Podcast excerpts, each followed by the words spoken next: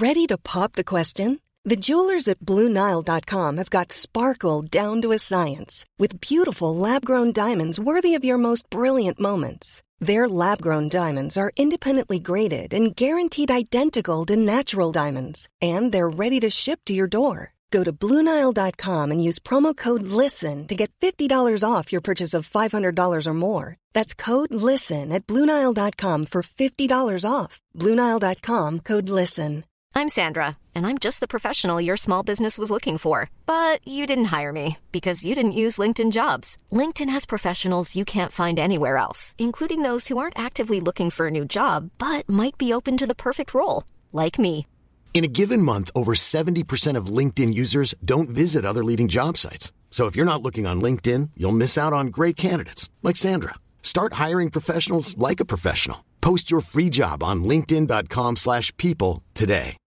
One size fits all seems like a good idea for clothes until you try them on. Same goes for healthcare. That's why United Healthcare offers flexible, budget-friendly coverage for medical, vision, dental, and more. Learn more at uh1.com. There's never been a faster or easier way to start your weight loss journey than with PlushCare. PlushCare accepts most insurance plans and gives you online access to board-certified physicians who can prescribe FDA-approved weight loss medications like Wigovi and Zepbound for those who qualify. Take charge of your health and speak with a board-certified physician about a weight loss plan that's right for you. Get started today at plushcare.com slash weight loss. That's plushcare.com slash weight loss. plushcare.com slash weight loss. I'm amazed how many people own stocks. They, they would not be able to tell you why they own it. They couldn't say in a minute or less why they own it. Actually, you really press them down, they'd say, the reason I own this is the sucker's going up. There's enough cash in the financial system, and there is an infinite amount of cash at the Federal Reserve. An infinite amount Put of cash. Put that check in a money market mutual fund. Then we'll reinvest the earnings into foreign currency accounts with compounding interest, and it's gone. So they had to do something. All they had left was just to print money and start buying things. And that's what they did. Quick buck artists come and go with every bull market, but the steady players make it through the bear market. They say money can't buy happiness. Look at the fucking smile on my face.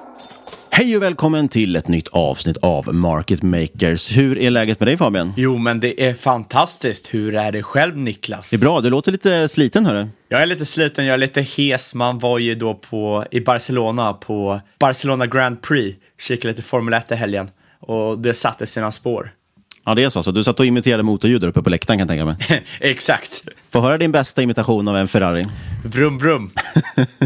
Eller nej, om man ska vara helt, helt ärlig så är det bara... Ja, det tycker jag var bättre bara, det, det, det är väl bara Formel 1-fans som förstår det med tanke på att eh, Leclercs bil slutade fungera Aha, okej. i, under loppet. Ja, nej, men det är härligt att du också börjat kolla på Drive to Survive och blivit en F1-galning som resten av alla män i hela världen. Du, vi ska inte prata Formel 1 idag. Vi ska prata, det blir givetvis lite mer makro. Tyvärr blir det också lite mer råvarubolag, men en annan sektor än olja idag. Och sen vill vi också skicka ut en liten påminnelse om Robomarkets event. Vi pratade om det förra veckan. Vi har ju med oss en ny huvudsponsor, Robomarkets, och de har ett event där vi ska presentera, eh, vi ska ha en börskväll helt enkelt. Det kommer bli supertrevligt. Det kommer vara på restaurang Grodan om inte jag missminner mig. Och eventet kommer vara den 16 juni klockan 17.30 på vinbaren i restaurang Grodan. Superkul, gå in och anmäl till det. Det finns en länk. Dels kommer vi lägga ut en tweet som kom ut igår då, när ni lyssnar på det här. Det är, vi spelar ju in 25 maj på löning, men det kommer släppas den 26 maj. Så vi skickar ut en tweet om det och dessutom finns det en länk i avsnittbeskrivningen. Innan vi hoppar in på veckans Tre snabba ska vi dock påminna om att det inte är någon rådgivande rekommendation. Vi berättar om vår process och hur vi tänker. Gör alltid en egen analys och glöm aldrig att alla investeringar är förknippade med Risk. Ja, vi börjar med veckans tre snabba Fabian. Activision Blizzard pratade om här veckan att det fanns en litet arbitrage där kanske mellan budnivån och den nivå den handlas på nu. Det var väl runt 20 procent under budnivån. Eh, men nu vill du plocka upp dem igen, eller? Eller indirekt, det handlar ju om den här konsolideringen man sett på spelmarknaden. För nu ryktas det om att Amazon, Disney och Apple har visat intresse på att köpa upp EA. Electronic Arts. Electronic Arts, ja, det stora bolaget bakom Fifa, Apex Legends, Battlefield och så vidare. Och Eh, det som är intressant här är också att EA var faktiskt riktigt nära på att mergea med NBC Universal. Och det var en deal som föll igenom bara för någon månad sedan. Och eh, ja, det är intressant nu. Microsoft, Sony har köpt upp jättemånga stora som små publishers. allt fler försvinner från marknaden i takt med att eh, den här tv-spelsmarknaden växer större nu än tv och filmindustrin tillsammans. Och eh, så har man även hört de här uppköpsryktena kring Ubisoft.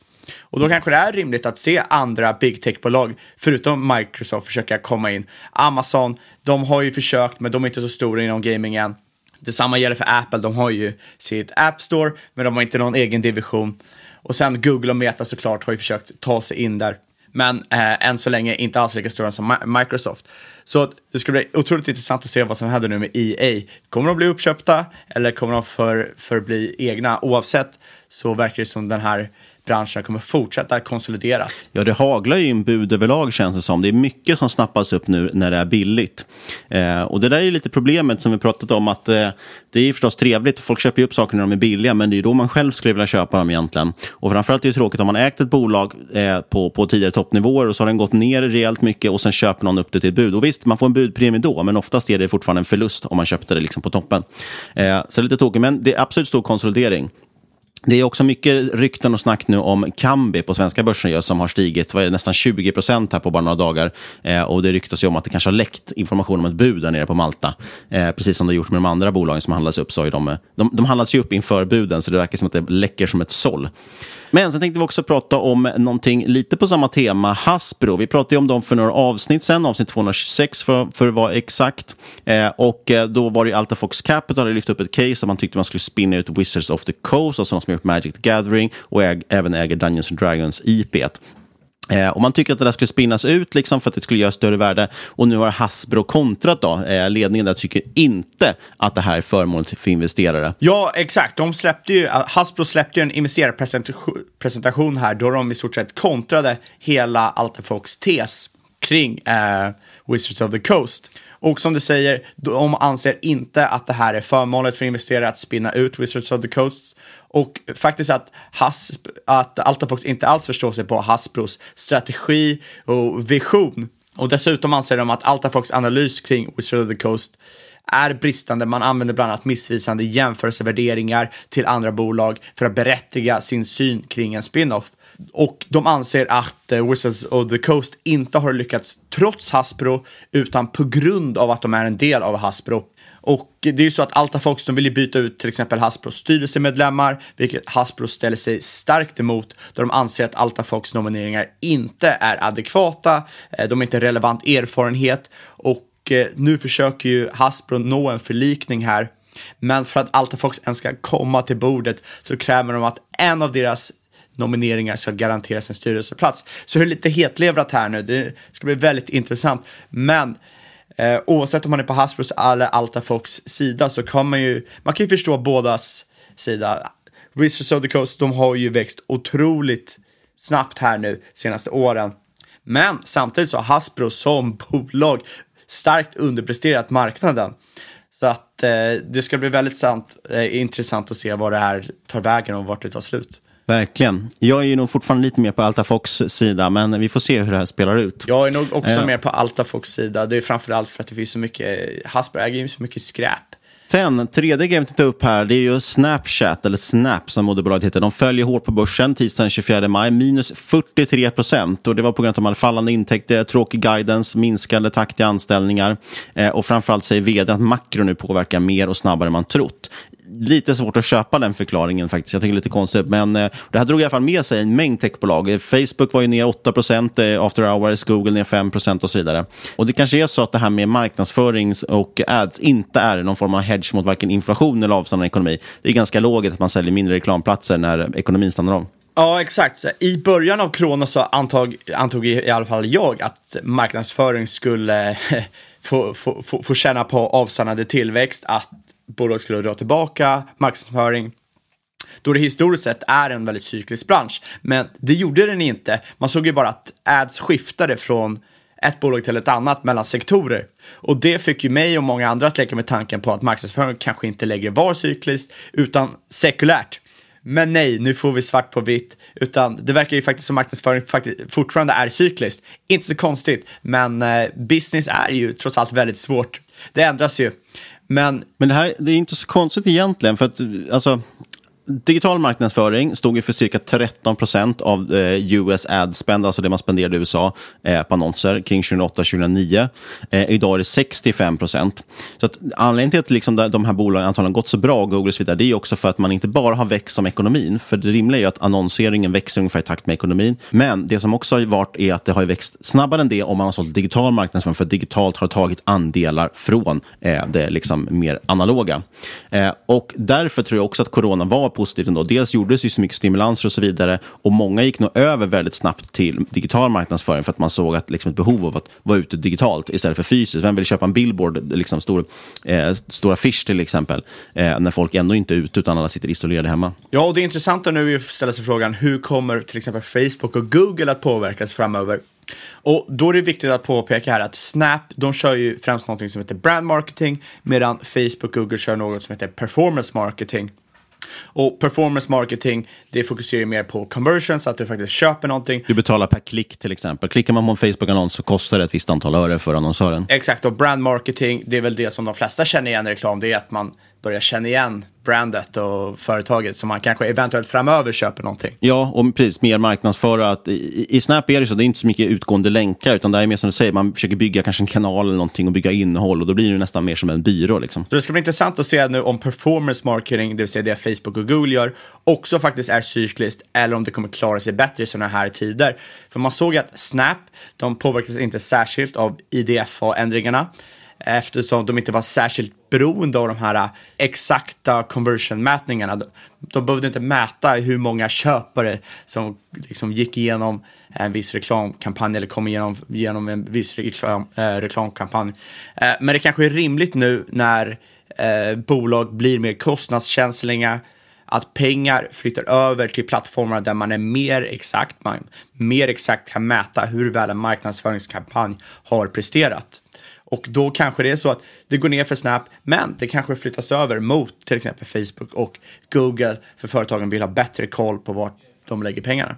Ja, vi har ju varit inne på det förut, att vi tror just det här med performance marketing, att man betalar per klick. Det bör ändå klara sig lite bättre, helt enkelt med att vissa eh, sökord är ju liksom väldigt dyra, och sådär, eller vissa ord som man köper och vissa målgrupper och så, eh, för det är liksom en budgivning och auktion kring det. Minskar intresset, ja men då finns det ju nya annonsörer som kliver på som kan köpa. Så köptrycket lär fortfarande finnas kvar där, kan jag tänka mig till stor del, men priserna såklart bör ju rimligtvis justeras ner om det är färre som köper. Avslutningsvis också, bara två punkter för att styrka det här med ett eventuellt bear market rally. Det har kommit av sig lite grann känns det som, speciellt när det kommit in svaga siffror.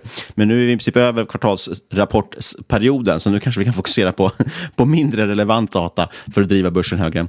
Eh, dels tycker jag det var intressant, nu kommer ju det här buyback-fönstret tillbaka, alltså bolagen kan ju börja göra återköp igen och det är jättestort i USA. Man tror nu att det ska vara tre till fyra gånger högre än vad det var varit i föregående veckor. Eh, så att det kommer vara liksom väldigt stora återköp. Inom S&P 500 har man annonserat ut att man ska köpa tillbaka aktier för runt 430 miljarder dollar. Eh, och Det är starkare än både 2019 och 2021. Och Det är helt enkelt för att man fortfarande har ganska bra marginaler och vinster. Sen är frågan vad som kommer hända med de marginalerna framåt. Det är väl det man kan vara lite orolig för. Eh, och Sen tyckte jag också var intressant Eh, att vi ser också nu en ombalansering här i slutet av månaden. Eh, 6 miljarder dollar per dag ska köpas i aktier, eh, beräknar JP Morgan och även Morgan Stanley. Och Det är ju framförallt liksom fonder och pensionsfonder som ska vikta om och nu viktar de in dem mot aktier räknar man och då kommer de, liksom, kommer de handla för över 6 miljarder dollar per dag. Så att, vi kan hoppas här på ett litet slutet på månaden-rally, men ingen vet ju vad som, som kommer hända. Vi har ju återigen med oss vår huvudsponsor Robomarket som vi är så glada för att de samarbetar med oss. Och, eh, det är en europeisk multi-asset-mäklare med över 12 000 instrument att handla. Du kan gå lång eller kort, CFDs på aktier, ETFer, index, råvaror, valutor, krypto, you name it. Och med CFD kan man välja hävstång väldigt enkelt och flexibelt. Och dessutom har Robomarkets valutakonton så du slipper onödiga växlingsavgifter. Robomarket har lokal närvaro samt kundsupport på svenska. Man är reglerade av tyska Finansinspektionen och framförallt otroligt attraktiva villkor med låga courtage och tajta spreadar. Tillsammans med RoboMarkets kommer vi varje vecka lyfta någon intressant investering eller tradingidé som du kan utforska vidare på deras plattform. Ja, och just den här veckan tänkte vi lyfta guld lite extra, mer specifikt guldminers. Vi kommer komma in lite på det också sen i huvudavsnittet på podden. För vi har ju pratat mycket om olja i podden senaste tiden och råvaror generellt, men mycket av samma problematik som finns inom oljemarknaden finns också inom guldmarknaden. Man har helt enkelt inte investerat tillräckligt i guldproduktion eftersom intresset för techaktier bland annat har sugit in allt kapital och nu när inflationen ligger på över 8% globalt och räntorna betydligt lägre så börjar guld bli allt mer attraktivt. Och många guldminers har senaste åren tvingats till att slimma ner, gör, liksom rensa sina balanser balansräkningar så de är väl, har, kan få väldigt höga marginaler om guldpriset sticker iväg. Så det behövs inte mycket högre guldpris för att det ska verkligen bli fart i de här bolagen och de ska börja trycka väldigt mycket pengar. Problemet dock med att investera i all form av råvarubolag egentligen är ju att det kan vara svårt som lekman att sätta sig in i enskilda bolag. Därför har vi många gånger lyft att ETF är ett väldigt intressant instrument. Men många nätmäklare har tagit bort handeln här på grund av reg vissa regelverk. Men det finns faktiskt möjlighet via Robomarkets att ändå handla med ETFerna via CFD. Så varför inte kolla in till exempel VanEck, två stora guldminers ETFer, Goldminers ETF och Junior Goldminers ETF för de lite mindre bolagen i sektorn. Vill du veta mer om Robomarkets? Besök då robomarkets.se och följ deras Twitterkonto at robomarkets.se. Länkar finns såklart i avsnittsbeskrivningen. Är du nyfiken på att testa går det alltid att skapa ett demokonto för att känna på plattformen. Som med alla investeringar är det viktigt att man förstår hur instrumenten fungerar. Handel med CFDs innebär alltid en hög risk att förlora pengar och det är viktigt att vara påläst innan man handlar. Fullständig riskinformation finns på Robomarkets hemsida. Vi säger stort tack till Robomarkets. Ja, och som jag nämnde, jag tänkte att vi skulle faktiskt prata lite mer om just guld, djupdyka lite i det. För det dyker ju upp på många ställen. Eh, generellt liksom har ju investeringar flyttat från råvarusektorn in till andra saker och det gör ju att det blir intressanta lägen nu. Eh, olja har vi pratat om så att folk, folk är trötta på olja nu tror jag helt enkelt. Även fast det är en sjukt intressant och lönsam sektor. Eh, men guld kan vara lite intressant och det finns även då en koppling förstås mot räntor och inflation som kan vara lite intressant. Och det pratade vi senast om i avsnitt 219 Putins guldläge som avsnittet kallades. Ja, men precis. Eh, och det, här, det här avsnittet kanske också är någonting med guldläge. Vi får se, vi har inte så bra fantasi. Men det finns ju ett antal anledningar till att råvarubolag är rätt intressanta just nu. De har ju framförallt blivit väldigt styrmåligt behandlade de senaste åren och det här har ju tvingat till exempel bolagen just att slimma ner. Liksom. Man har rensat upp lån och så vidare i sina balansräkningar. Man har försökt slimma ner produktionen så att man ska liksom kunna, ja, man ska helt enkelt kunna försöka överleva på ett lägre råvarupris. Det är egentligen det som har varit blivit effekten av det här. Vilket då gör att om man har slimmat ner allting och man lyckas tjäna pengar på ett ganska lågt pris på råvaran man producerar, vad händer då om det råvarupriset sticker iväg? Ja, men det blir ganska logiskt. Du tjänar väldigt mycket pengar. Sen på sikt behövs det göras investeringar och så vidare. Då har du en jättestora capex-kostnader. Men fram tills det så kommer du liksom verkligen trycka pengar i de här bolagen och det är egentligen det som är intressant. Och då kan man fråga sig varför har ingen velat satsa på de här bolagen? Varför har ingen satsat på guldbolag till exempel? Och men först och främst så handlar det, finns det jättemycket ESG-skäl. Dels allmänt en opinion mot ESG, men det har också kommit nya regelverk som gör att fonder och så vidare och institutionellt kapital inte längre kan investera i den här typen av sektor på samma sätt. För det är ju inte helt rent att plocka fram guld i marken, men faktum är att vi behöver guldet, tyvärr. Eh, och det har vi tjatat mycket om tidigare, man får inte investera på grund av ESG-skäl och det gör ju då att bolagen tvingas minska investeringar. Dessutom har vi faktiskt också många som har klivit in som aktivister i de här bolagen och tvingat ner produktionen eh, och tvingat bort investeringar för att man helt enkelt säger att nej, men vi vill inte ha guldproduktion, vi vill inte ha oljeproduktion. Eh, och då kliver man in och tar en, en roll där och försöker stoppa det där. En annan intressant aspekt, och det har vi inte pratat så mycket om, men det är att det är för hög volatilitet i de här bolagen för många institutionella investerare. Okej, okay, och vad beror det på då? Jo, men råvarupriserna är volatila helt enkelt. Och det som är intressant är att senaste åren så har det verkligen glidit över till att vi mer och mer vill ha eh, lågvolatila produkter, speciellt i typ pensionsfonder och så vidare, för man vill ha liksom jämnt flöde, jämn avkastning, så man kan veta vad man får framåt. Det är det som har gjort att private equity-industrin verkligen har exploderat och verkligen blommat ut.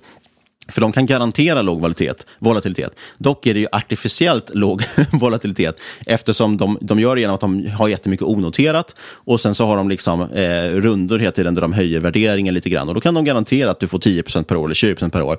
Sen är frågan den dagen du faktiskt kan realisera där, får du ut dina pengar eller inte? Eller när du sätter på börsen så ser du för alla 70 Så att det där är ju helt artificiellt, men det ser väldigt bra ut. Och kan du bara hålla igång det medan du själv är, ägare av den här PE-fonden eller någonting och sen lämnar du över till någon annan och så slipper du ta smällen. Och det där har varit ett problem, så vi har för hög volatilitet och det här såg man förr i tiden också, bland annat under 70-80-talet. Och då fick man gå in på olika sätt att då försöka sänka volatiliteten. Och Det gjorde man dels genom att eh, liksom knyta långa kontrakt. Säga att okay, men vi kan, vi, kan ni garantera ett pris nu på, på guld eller vad det kan vara tio år framåt. Eh, då kan man få ner volatiliteten för då vet man vad det kostar. Vi ser också genom konsolidering. Dels slår man ihop bolag för då kan de få en jämnare produktion. Men vi ser också det genom att folk köper upp. Till exempel Tesla har ju pratat om att köpa upp eh, en nickelproduktion tror jag bland annat. Eh, så vissa bolag liksom köper ju in då sina råvaruproducenter för att kunna garantera att de ska få råvaran till ett bra pris. Och det sista förstås, det är varför har folk inte investerat i de här sektorerna? Jo, för det har funnits bättre avkastning på annat håll. Vi har haft den nya ekonomin som man har investerat istället med fangbolagen. Och det här har vi sett två gånger förut. Dels under 70 80-talet, då var det Nifty 50, drog i princip allt kapital. Sen sprack den bubblan och då eh, liksom, drog alla råvaror råvarubolag i, i, iväg jättemycket när det fick liksom en commodity supercycle, alltså en stor, stor uppgång i råvaror och också hög inflation. Det har väl lite varit som med alla andra råvaror, framförallt till exempel med oljan, är att du hade en super boom, alltså en riktigt jäkla bullrally. Och det gjorde ju att man överproducerade. Och sen de här, det verkar ju boom bara cykla, överproducerar, du kan inte sälja för särskilt mycket pengar och det slutar med att väldigt många bolag går i konken. Men det innebär ju också att när det här lagret börjar ta slut, ja, då finns det inte alls lika många som kan producera. Nej, det är ju extremt liksom, cykliskt råvarubolag. Det har vi pratat om förut. Som du säger, när det är hett och alla vill ha det, då investeras det jättemycket och sen till slut får man en överkapacitet.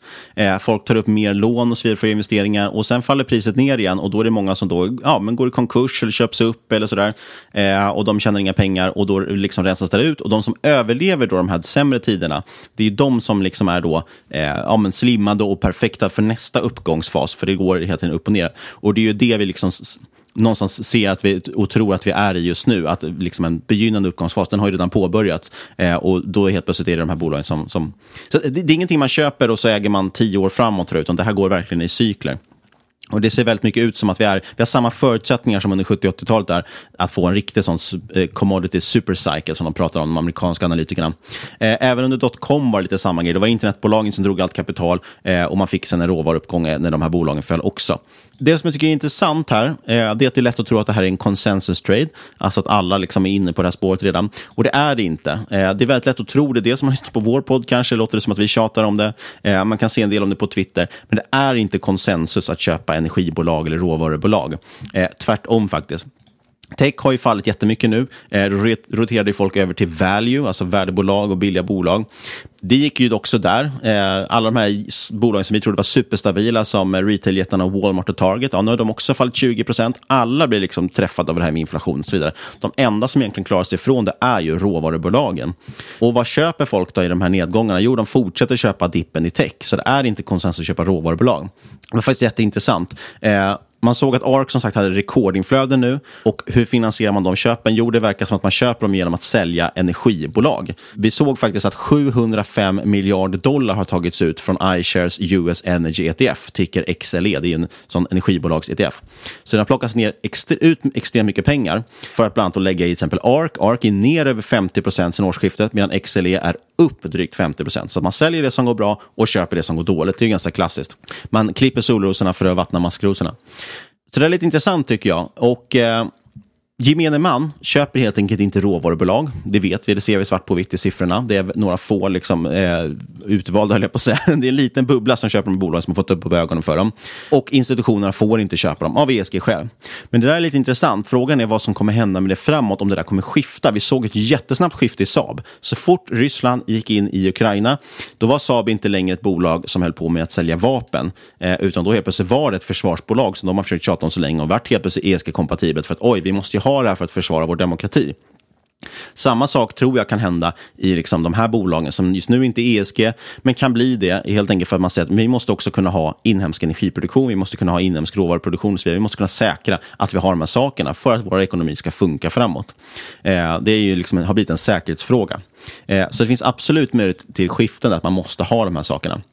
Dessutom ska tilläggas, hedgefonder och så vidare ligger extremt eh, felpositionerade kring råvaror. De här är ju, äger i princip ingenting alls och har sålt av jättemycket. Och de här brukar jaga momentum. Så att börjar du få en uppgång, ja då brukar uppgången förstärka uppgången och de kanske då går in i de här bolagen. Så det är mycket som är intressant med det. En av få contrarians som har gått emot trenden det är ju Warren Buffett. Han vill man gärna ha på sin sida. Han har gjort, eh, bland annat köpt Occidental Petroleum som vi tagit upp i podden. Han har också gjort Chevron till sitt fjärde största innehav nu om inte jag så fel på siffrorna. Så att han är ju väldigt, väldigt intresserad här också. Men nu pratar jag om olja igen. Och folk, jag sa att jag skulle prata om guld. Varför är då guld intressant som råvara egentligen? Det finns ett antal olika aspekter. Dels är att det tekniskt jätteintressant och det bryter ut liksom ur en, en tråkig range. Eh, det finns mycket som pekar på att det ska gå upp. Och generellt så Guldet är väldigt kopplat till den reala räntan, eller realräntan. Och Det handlar helt enkelt om man tar den faktiska räntenivån vi har och så subtraherar man inflationen. Då får man realräntan. Eh, och när den är negativ eller liksom blir lägre, då brukar ju guld också gå väldigt bra. Och realräntan i USA har stuckit iväg rejält. Jag kikade på en 100-årsgraf. Eh, och senast vi såg de här nivåerna var faktiskt på 80-talet. Och då är frågan, ringer en klocka? Vad hände på 80-talet? Jo, då hade vi en commodity supercycle också. Ja, det, kanske eh, påpeka det här att det inte är bara så att guld rör sig väldigt bra mot realräntan. Det är ju liksom negativt korrelerat. Så desto mer realräntan går ner, desto mer går guldet upp. Och vad har man sett nu senaste kvartalet? Ja, men det är exakt det. Och det är för att räntenläget har ju inte hängt med inflationen än, ska tilläggas. Det är ju så att kommer vi få massa räntehöjningar nu och vi får ner inflationen, ja, men då, då ser det inte lika bra ut. Men det räcker med att vi har haft den här första starten för att kanske starta igång en riktig liksom, uppgång i guld och så vidare. Eh, och som sagt, det räcker för hur de här bolagen ser ut just nu, hur slimmade de är, så räcker det med att vi bara får upp priset en del och kan hålla det på de nivåerna. Precis som med oljan så kan det bli väldigt bra för de här bolagen. Sen dessutom ska tilläggas då, vi har en stor säsongseffekt här som är rätt intressant. Våren är generellt guldets sämsta period. Och då kommer någon skrika, men här med säsongseffekter är ointressant, det är bara tekniskt. Nej, det här handlar faktiskt om fundamentala anledningar till varför guldet är svagare på våren. Det handlas helt enkelt mer guld på hösten. Varför då? då? Jo, men dels, det är framförallt Indien och Kina bland som är bland de största aktörerna där liksom även retail köper fysiskt guld. Varför gör de det? Ja, men dels har det gifting season, alltså det, man ska köpa presenter av olika anledningar.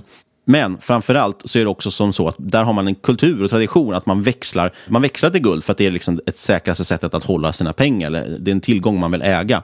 Eh, och då är det så att när skördesäsongen är slut, då är det väldigt många som förhoppningsvis har vinster och de växlar mycket av det till guld. Så det har alltid ett väldigt stort köptryck på guld eh, till hösten. Och då kan man ju bara lyfta som en liten intressant detalj i sammanhanget. Vetepriserna är upp närmare 50 procent på bara ett halvår. Det beror på att Ryssland och Ukraina är båda med på listan över världens tio största producerande, eh, producenter av vete. Eh, och därför också, det är också en av flera anledningar till att priserna har skenat för dem då. Vi får inte ut deras vete. Okej, okay, men vilka är de två största veteproducenterna i världen? Då? Ja, det är Kina och det är Indien. De är nummer ett respektive nummer två. Och Indien har nu stängt sin veteexport för att kunna garantera inhemsk tillgång, för man har brist på vete inhemskt. Kina har också problem med att möta efterfrågan. Eh, och man pratar till och med om stora svält, eh, svältkatastrofer inom Kina på gång. Och då är frågan, hur påverkar det här, om vetepriserna nu skenar, hur påverkar det böndernas möjlighet till att växla sin vinst mot guld efter skördesäsongen i höst? Jag ska bara snabbt sticka, flika in där med att man uppskattar att världen har cirka tio månader med vetelager, varav fem ligger i Kina som de dels inte vill exportera, men dels också, det är rätt många uttryck som tror att en stor del av det här vetelagret i Kina har blivit dåligt, det har ruttnat, eh, blivit uppätet och råttor och så vidare. Så att eventuellt ser det ännu värre ut än vad man först kan tro. Alltså det är extremt bullish. Det är väldigt tråkigt för mänskligheten förstås, men, men det är väldigt bullish för vetepriserna och höga vetepriser leder också till större guldinköp när man har stora vinster. Så det där är jätte, jätteintressant. Så att vi har alltså en dålig period nu och ändå går guldet bra. Det lär gå ännu bättre efter hösten. Och då är det som sagt intressant vad händer med guldbolagens eh, lönsamhet. Vad händer med deras vinster när de börjar rapportera Q4 eller Q1 nästa år och så vidare. Sen är värderingarna trevligare. S&P 500 handlas just nu till runt P20 i snitt. Medan GDX, alltså den här ETFen med guldminers, handlas till, har ett snitt P på 15. Eh, och då ska det tilläggas att det är ju rullande, alltså bakåtblickande siffror. Tittar vi framåt så ser det ut som att S&P 500-bolagen, där är många som kommer minska sina marginaler, få tufft fram på grund av inflation. Medan guldminers snarare ökar sina marginaler av exakt samma skäl. Eh, och den här hävstångseffekten finns ju i miners precis som för oljeproducenter och det är därför de är intressanta just nu. För sticker guldpriset lite grann så blir det liksom ren vinst. Om man har satt in att okay, vi behöver ha det här guldpriset för att tjäna pengar och så stiger det upp 10% då blir det liksom 10% i ren vinst som kommer in där eftersom kostnaden inte ökar lika mycket som, som vinsten. Så väldigt intressant Kommer inte hinna dra igenom så mycket case här nu kanske, men jag tycker man ska kolla in båda de här två ETFerna. GDX är den ena artikeln och vill man titta på lite mer juniora bolag så är det GDXJ. J står för junior. Några top holdings, några av de största innehaven i GDX är bland annat eh, Wheaton Precious Metals Corp. Jag tror kanske vi har plockat upp det tidigare. Eh, eller någon av deras eh, systerbolag. Ska säga. Finns det något annat Wheaton också att prata om? det är väl royaltybolag om inte jag minns fel. Ticker WPM eh, och de handlar ju både med silver och guld. Silver ser också rätt intressant ut och det handlas till P26 nu. Men sagt, det intressanta är vad händer eh, på de kommande 12 månaderna med P-talet. Ett av de som jag tycker är mest intressant är Agnico Eagle Mines, ticker AEM. Där har man P30. 30, men man förväntas växa enormt. Här. Dels har man en stor lönsamhet och sen så förväntas man växa 30 procent. Alltså själva produktionen växer man 30 procent fram till 2030. Det handlas det en gånger navet just nu. Eh, och det här är noterat i Kanada, man har gruvverksamhet i just Kanada, norra Mexiko och faktiskt också i Finland. Och det här gillar jag skarpt. Många av de här bolagen har ju produktion på ställen där det inte känns jättesäkert. Man vill gärna ha produktion eh, på ställen som ser trevliga ut, där man kan lita på att det, det, saker och ting kommer skötas demokratiskt. Och dessutom nu då, miners gick upp ganska starkt här under våren och sen har man precis åkt på med rejält med däng och gått ner igen 20 upp till 30 i vissa bolag. Eh, så kanske är det en intressant läge att göra en re-entry i de bolagen om man är intresserad av det. Ja, det var dagens avsnitt. Vi har ju som vanligt en liten innehållsförteckning. Är det något av det vi pratar om som vi äger just nu? Ja, jag har ju som bekant en eh, skvätt guld i portföljen. Just det, du ser. Och vi är faktiskt lite guld också även i bolagsportföljen. Eh, annars tror jag inte något av bolagen vi äger, inte just nu i alla fall. Oavsett vad vi äger ska man komma ihåg att inget av den här podcasten ska ses som rådgivning. Alla åsikter var egna eller var gäst och eventuella sponsorer tar inget ansvar för det som sägs i podden. Tänk på att alla investeringar är förknippade med risk och sker under eget ansvar. Apropå sponsorer, vi vill tacka Robomarkets. Som sagt, båda de här ETFerna bland annat vi pratar om går att kolla in där om man vill handla dem via CFD. Eh, och det finns många andra fördelar med att titta på den plattformen också. Och framförallt vill vi pusha lite för eventet vi kommer att hålla tillsammans med Robomarkets i Stockholm den 16 juni. Eh, kolla in länken i beskrivningen för att anmäla dig. Vi kommer också skicka ut en tweet om det. Kontakta oss på podcast at marketmakers.se eller på Twitter och aktier at marketmakerspod och lämna gärna en recension på iTunes. Och sist men absolut inte minst, stort tack för att du har lyssnat kära lyssnare. Vi hörs igen om en vecka.